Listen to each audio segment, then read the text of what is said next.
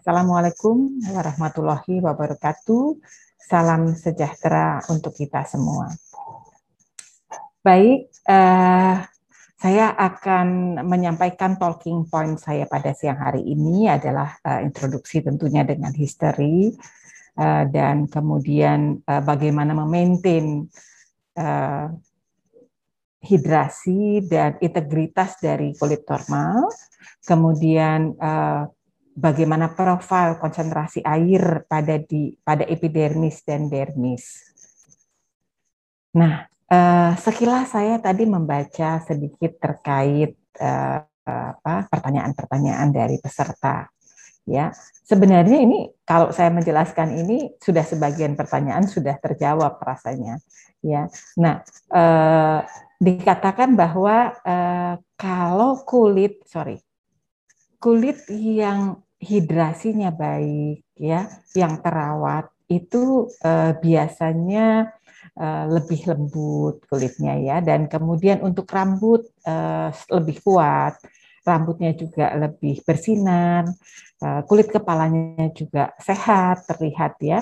Nah kalau yang kekurangan cairan ya itu akan mengalami apa akan mengalami rambut yang uh, flat kemudian gampang patah kemudian ada kulit yang uh, iritasi Eh, lebih terlihat lines-nya, kerut-kerutnya, wrinkle ya dan uh, skin tone-nya juga terlihat kusam. Nah, ini secara klinis yang kita lihat. Lalu bagaimana secara um, molekular, kemudian secara apa ya, saya uh, uh, secara knowledge ya ilmu. Nah, berikut saya akan sampaikan. Air merupakan uh, bahan atau komponen yang memang sangat fundamental dibutuhkan oleh tubuh kita. Dikatakan bahwa 75% uh, dibutuh uh, ada pada infants dan pada uh, orang dewasa itu komposisinya 50%. Dan kulit yang sehat dikatakan bahwa ada kaitannya nih dengan kecukupan air. Apakah betul? Ternyata pernyataan itu masih belum uh, bisa dikatakan benar. Dikatakan juga bahwa kecukupan air itu dapat uh, memprevent atau mencegah dehidrasi pada kulit, kemudian mengatur termoregulasi di kulit, dan juga berperan sebagai lubrikan, sebagai pelumas. Ya.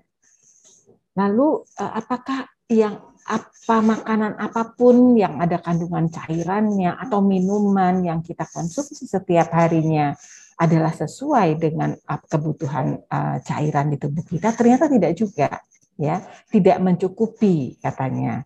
Nah, berapa sebenarnya rekomendasi air yang di yang direkomendasikan gitu ya untuk kita kehidupan sehari-hari di aktivitas kita atau kebutuhan tubuh kita lah. Ternyata tidak bisa di tidak bisa ditentukan ya. Disregarded katanya. Dan uh, menurut dietary guidelines for Americans 2010 dikatakan bahwa uh, seorang pria itu membutuhkan air itu 3,7 liter per hari sedangkan perempuan itu 2,7 liter per hari untuk usia 19 sampai dengan 30 tahun. Nah, lain lagi dengan European Food Safety Authority. Dikatakan bahwa 2 liter air uh, itu untuk perempuan dan dua setengah liter air itu yang dibutuhkan untuk laki-laki per harinya. Ini kaitannya lagi dengan uh, kulit ya. Nah, pada tahun ini sejarahnya. Pada tahun 1950 diketahuilah oleh Blank ya seorang peneliti uh, komposisi dari kulit yang dapat mengikat air. Di epidermis ya namanya natural natural moisturizing factor. Pada tahun 1985 sampai 1987 di uh, proposlah sebuah hasil penelitian bahwa uh, lipid interselular di stratum corneum itu sebenarnya uh, dibutuhkan untuk sebagai pertahanan untuk mencegah uh, transepidermal water loss dan lalu tahun 1990 Bonte, Bonte et al. itu uh, mengapa melaporkan uh, terkait dengan uh, lipid interselular yang juga berfungsi sebagai uh, sebagai barrier. Lalu apa yang dimaksud dengan skin hydration? Skin hydration itu hydration ya, itu merupakan um, kondisi yang dalam uh, kondisi yang adekuat itu sangat merupakan critical critical point untuk se sebuah kesehatan kulit gitu ya, kondisi uh, kulit yang sehat. Dan kemampuan kulit untuk mengikat air terutama terutama nih itu dilakukan diperankan oleh stratum corneum. Ya. Nah, stratum corneum itu yang mana? Stratum corneum itu adalah lapisan paling atas di kulit. Lapisan paling atas itu adalah epidermis. Tapi epidermis itu kita tahu ada berapa lapis kan? Ada lima lapis, ada empat lapis. Tapi yang paling atasnya itu yang kita sebut dengan stratum corneum. Nah, kita saya secara uh, ringkas akan mengajak teman-teman ini kan semuanya sejawat ya, teman sejawat semuanya dokter. Uh, mengingat kembali bahwa ratusan juta tahun yang lalu ada yang disebut dengan multilayer epithelia yaitu pada pada ikan dan pada amfibi kemudian berkembang ya menjadi premature stratum corneum ya. Kemudian berkembang lagi puluhan juta tahun yang lalu atau beberapa ratus ribu tahun yang lalu menjadi hard stratum corneum lapisan epidermisnya itu tebal ya kemudian stratum di bawahnya juga uh, uh, kebetulan ini masih tipis ini berbeda dengan yang vertebra itu menjadi kita sebut dengan soft and moisture stratum corneum ya stratum corneumnya kemudian ada eh, stratum granulosum dan di bawahnya ada stratum spinosum dan basale. Nah, kita lihat di sini. Ini epidermis.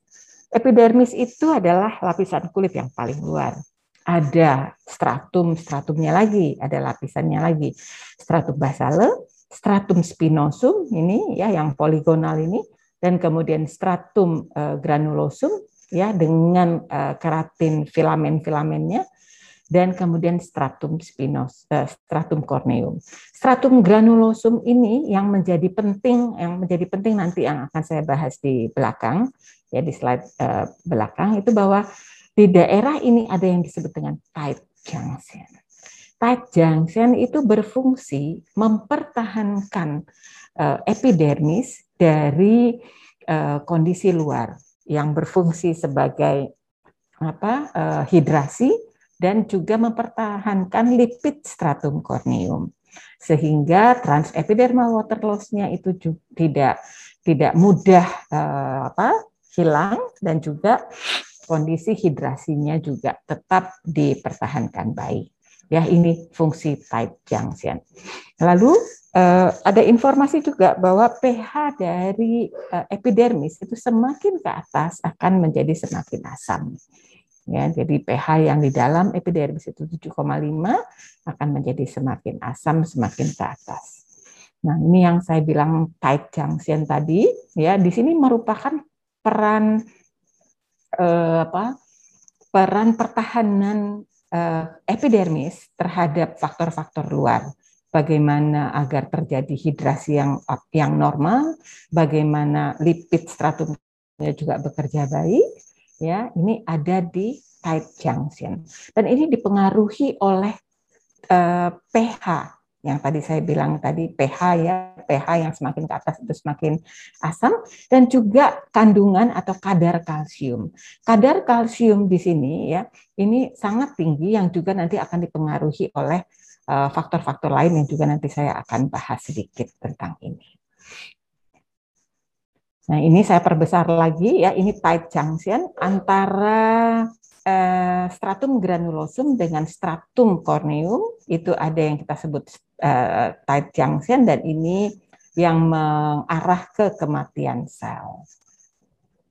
Nah, Bagaimana kita memaintain atau mempertahankan integritas kulit yang normal dan hidrasinya? Kita tahu bahwa stratum corneum itu uh, mempunyai dua komponen yang penting, yaitu korneosit. Korneosit itu adalah sel-selnya, dan uh, natural moisturizing factor, dan juga lipid bilayer yang ada di interselular. Nah, kedua komponen ini ya dalam uh, apa uh, kadar yang proper maka dia akan me, mempengaruhi integritas kulit dan hidrasi kulit.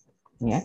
Pada kondisi uh, squamasi normal setiap 21 sampai 28 hari kan kulit kita ini ya berganti di bawahnya menjadi bagian atas, atas menjadi di atasnya lagi berganti setiap 21 sampai 28 hari.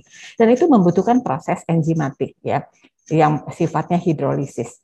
Nah, kalau dalam kondisi uh, cairan atau air yang rendah maka fungsi enzimatik itu juga akan rusak, akan abnormal ya sehingga melip atau memicu kondisi kondisi kulit yang kering, uh, roughness kasar ya dan bersisik ya.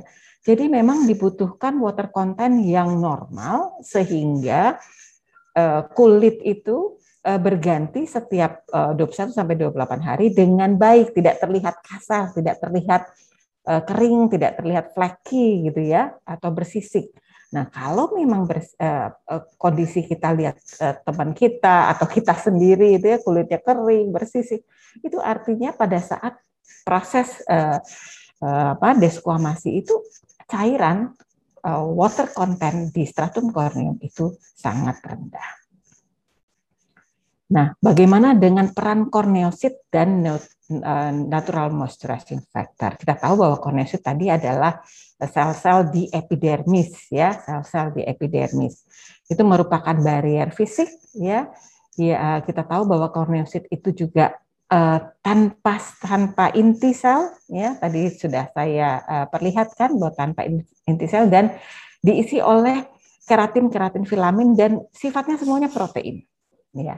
Nah, kondisi protein yang tinggi yang baik untuk menyelimuti sel-sel keratin, sel-sel korneosit itu dari epidermis itu with together dengan filamen uh, keratin itu akan mempertahankan fleksibilitas dan resilience ketahanan dari stratum corneum. Ya, kita tahu bahwa stratum corneum itu uh, kandungan airnya sekitar 20 persen, ya dan kemudian mempunyai kemampuan untuk mengikat uh, natural moisturizing factor. Lalu natural moisturizing factor ini sebenarnya ada di dalam korneositnya, ya merupakan molekul yang higroskopis. Higroskopis itu yang menarik air dan memaintain sel-sel keratinosit ya atau korneosit yang ada di epidermis itu tetap terhidrasi. Sehingga uh, natural moisturizing factor ini sering kali kita sebut juga dengan humektan, ya uh, bahan atau agent yang dapat menarik air. Nah, kapan uh, kondisi uh, natural moisturizing factor itu menjadi lebih rendah atau terganggu ya? Itu biasanya kalau kita sering membersihkan uh, dengan cleansing, membersihkan kulit kita, mencuci tangan terlalu sering ya, kemudian juga terkena sinar matahari ya, kemudian juga pada usia lanjut ya. Nah, itu natural moisturizing factor di dalam uh, kulit kita juga akan berkurang. Bagaimana me, me, apa namanya? memperbaikinya? Apakah boleh kita tambahkan sesuatu? Ya tentu harus kita tambahkan sesuatu ya kita tambahkan misalnya urea, laktat, potasium ya yang ada di dalam kandungan moisturizer. Lalu bagaimana peran eh, bahan-bahan higroskopis natural lainnya yang ada di kulit kita? Contohnya misalnya gliserol. Gliserol itu menurut uh, Fleur ya penelitiannya uh, pada mice yang glandula sebasenya, glandula sebasenya itu kelenjar minyak yang mengalami hipoplasia, hipoplasia ya. Itu menunjukkan bahwa level atau kadar dari uh, hidrasinya juga berkurang dan diketahui bahwa ternyata kadar gliserolnya berkurang. Nah, Hara dan teman-temannya juga melaporkan bahwa aquaporin 3 yaitu pada um, mice yang di uh, transgenik ya terdapat kanal-kanal uh, air yang uh, terbatas karena memang transgenik mice itu dilaporkan juga bahwa ternyata uh, terjadi abnormalitas dari hidrasi stratum corneum dan adanya kadar gliserol yang uh, rendah. Nah, kemudian uh, dari Choi melaporkan juga bahwa ternyata hidrasi stratum corneum ya itu ternyata berkorelasi dengan konten atau kadar dari gliserol di stratum corneum juga. Ini merupakan laporan-laporan dari hasil penelitian sebelumnya ya. Dan itu tadi gliserol. Lalu bagaimana dengan hyaluronic acid? Hyaluronic acid merupakan komponen yang eh, termasuk komponen terbesar di dermis ya. Jadi setelah epidermis ada dermis ya. Kemudian ada subkutis, kemudian baru otot. Ya. Nah, uh, hyaluronic acid ini ya, ini merupakan uh, komponen terbesar di dermis, tapi ternyata ada juga di epidermis. Ya, dia mengisi berikatan dengan uh, berikatan dengan uh, ekstraselular di ruang-ruang eh, antara sel-sel di antara ekstraselular uh, ruang ekstraselular tersebut itu mempunyai peran sebagai barrier epidermis dan uh, sehingga hyaluronic acid ini untuk di epidermis disebutkan juga uh, berperan sebagai humektan. Borgunyon dan teman-teman melaporkan bahwa ternyata ya hyaluronic acid ini berperan dapat meregulasi mengatur diferensiasi keratinosit. Stratum basalem menjadi spinosum, spinosum menjadi granulosum, granulosum menjadi uh, stratum corneum. Itu dipengaruhi oleh hyaluronic acid. Lalu uh, kemudian bagaimana dengan peran dari lipid-lipid stratum corneum? Jadi lipid stratum corneum ini merupakan uh, sebagai barrier juga ya yang dimediasi oleh lipid-lipid uh, interselular. Dan dikatakan bahwa uh, terbanyak dari air ya pada stratum corneum ini ada di dalam korneosit. Dan di korneosit itu ya uh, strat, di stratum corneum ya lipid itu terdiri atas seramik, kolesterol dan asam-asam lemak bebas. Ya. Nah, dikatakan juga bahwa lipid itu termasuk reservoir dari air kalau di kulit ya. Dan dikatakan bahwa lipid yang ada di uh, kulit di epidermis itu diproduksi dari lamellar granul lameral yang posisinya ada di stratum granulosum. Tadi ya stratum basale, kemudian spinosum, granulosum yang ada eh, keratin-keratin tadi.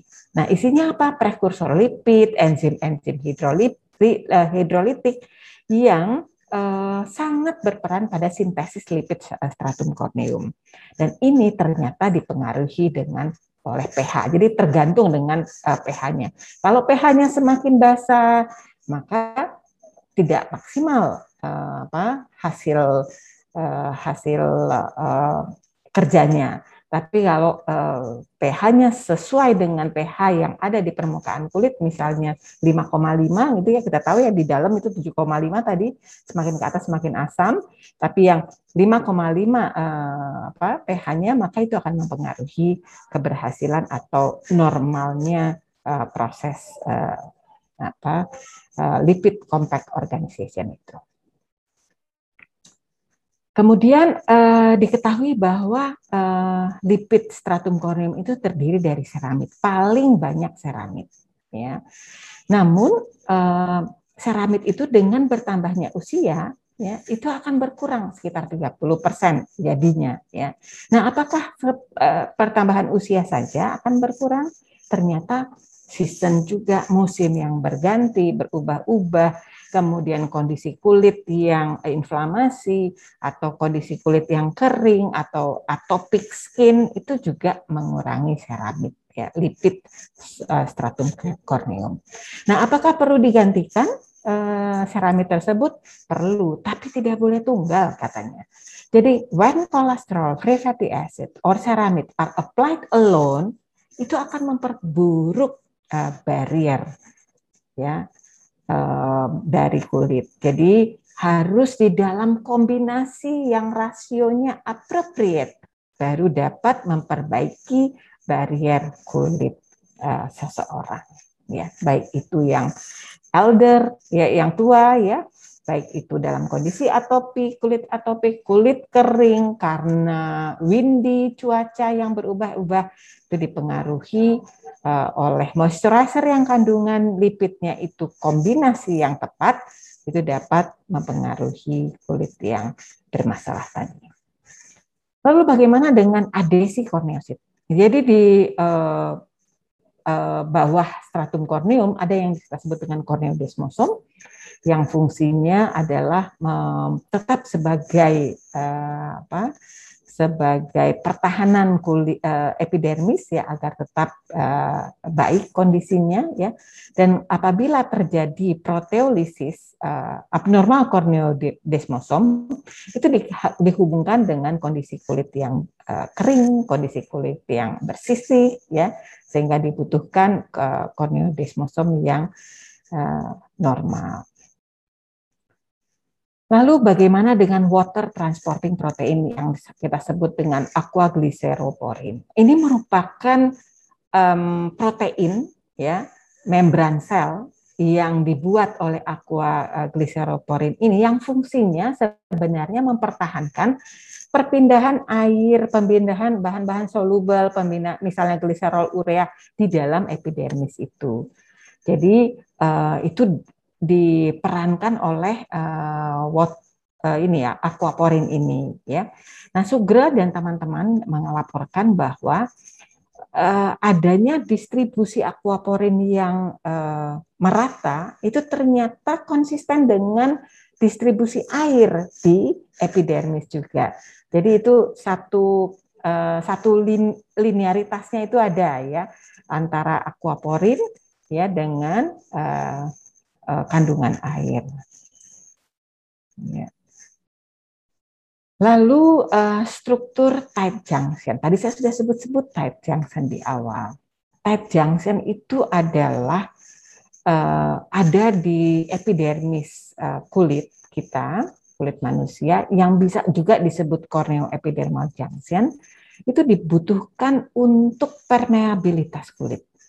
Baik itu permeabilitas uh, struktur interselularnya, uh, baik itu difusi bahan-bahan uh, apa pun ya soluble atau air antara ruang-ruang interselular ya atau antara sel yang satu dengan sel yang uh, sebelahnya itu dipengaruhi atau diperankan oleh tight junction.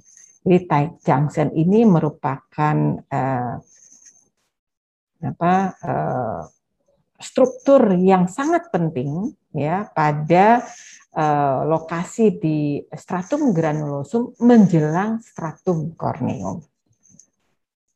Nah, ini tadi yang saya sampaikan di awal ya. Nah, ini sangat penting dia yang mengatur ini semua. Bagaimana hidrasi kulit supaya baik, bagaimana lipid stratum corneum itu supaya normal, ini diperantarai di, uh, atau di Eh, perankan oleh tight junction. Jadi tugasnya adalah me, eh, apa tight junction itu uh, merupakan bentuk dari barrier yang mendistribusi air, bahan-bahan soluble, partikel antara sel yang satu dengan sel yang lain, bahkan antara uh, space atau ruang-ruang interselular. Nah, adanya struktur tight junction ini, adanya lipid-lipid interselular pada stratum corneum, inilah yang bertanggung jawab pada barrier kulit dan bertanggung jawab pada hidrasi kulit. Ya. Nah ini kesimpulan dari apa saya yang jelaskan tadi ya bahwa ini ada stratum basale, ada desmosom, desmosom itu yang mengikat antara sel dengan sel dengan sel di bawahnya, stratum spinosum, stratum granulosum ini adalah stratum yang paling penting dalam dalam proses uh, hidrasi dan proses uh, lipid uh, stratum corneum. Kemudian ada corneo epidermal junction yang kita sebut juga tight junction dan stratum corneum. Jadi ini harus dipahami dulu bagaimana hidrasi kulit epidermis itu uh, baik, maka pengetahuan akan ini pun bisa harus diketahui karena uh, komposisi water atau air pada kulit itu terbanyak terperangkap di stratum corneum. Ya, tadi sudah dijelaskan ya. Jadi perangkap di sini 70% air di kulit ada di stratum corneum. Water concentration profile in the epidermis. Jadi kita tahu bahwa 70% eh, air itu ada di epidermis. Ya, dan kemudian semakin ke atas yang di bawah nih, kemudian semakin ke atas itu akan semakin sedikit. Stratum granulosum dan stratum uh, corneum itu malah makin sedikit, biasa 15% tuh di stratum corneum. Namun ketika perubahan kadar air itu yang semakin ke atas, ada peningkatan juga dari sekresi lipid eh, stratum corneum. Jadi peningkatan lipid itu di, disekresikan lebih banyak oleh uh, stratum corneum. Sehingga kedua proses ini ya antara Eh, perubahan air ke yang semakin berkurang sampai dengan stratum corneum dan peningkatan sekresi dari lipid stratum corneum itu merupakan proses yang esensial untuk hidrasi kulit dan fungsi barrier kulit. Lalu untuk Maaf, Dokter Irma, waktunya dua menit lagi. Baik, Dokter. Terima kasih, Dokter Dian. Saya slide terakhir ini, Dok. Jadi, uh, bagaimana itu tadi di, di, di epidermis ya. Nah ini di dermis, di dermis bagaimana dengan cairan yang ada di dermis atau air yang ada di dermis? Itu dikaitkan dengan elastisitas kulitnya dan di, dilaporkan bahwa ternyata pada orang yang lebih tua itu lebih tinggi dibandingkan orang yang muda ya jadi berbeda dengan di epidermis ya. Nah, ini pada epider pada dermis itu pada orang usia lanjut water profile-nya itu lebih tinggi ya dibandingkan yang muda dan juga pada uh, us, uh, PM atau afternoon ya lebih tinggi dibandingkan pagi hari.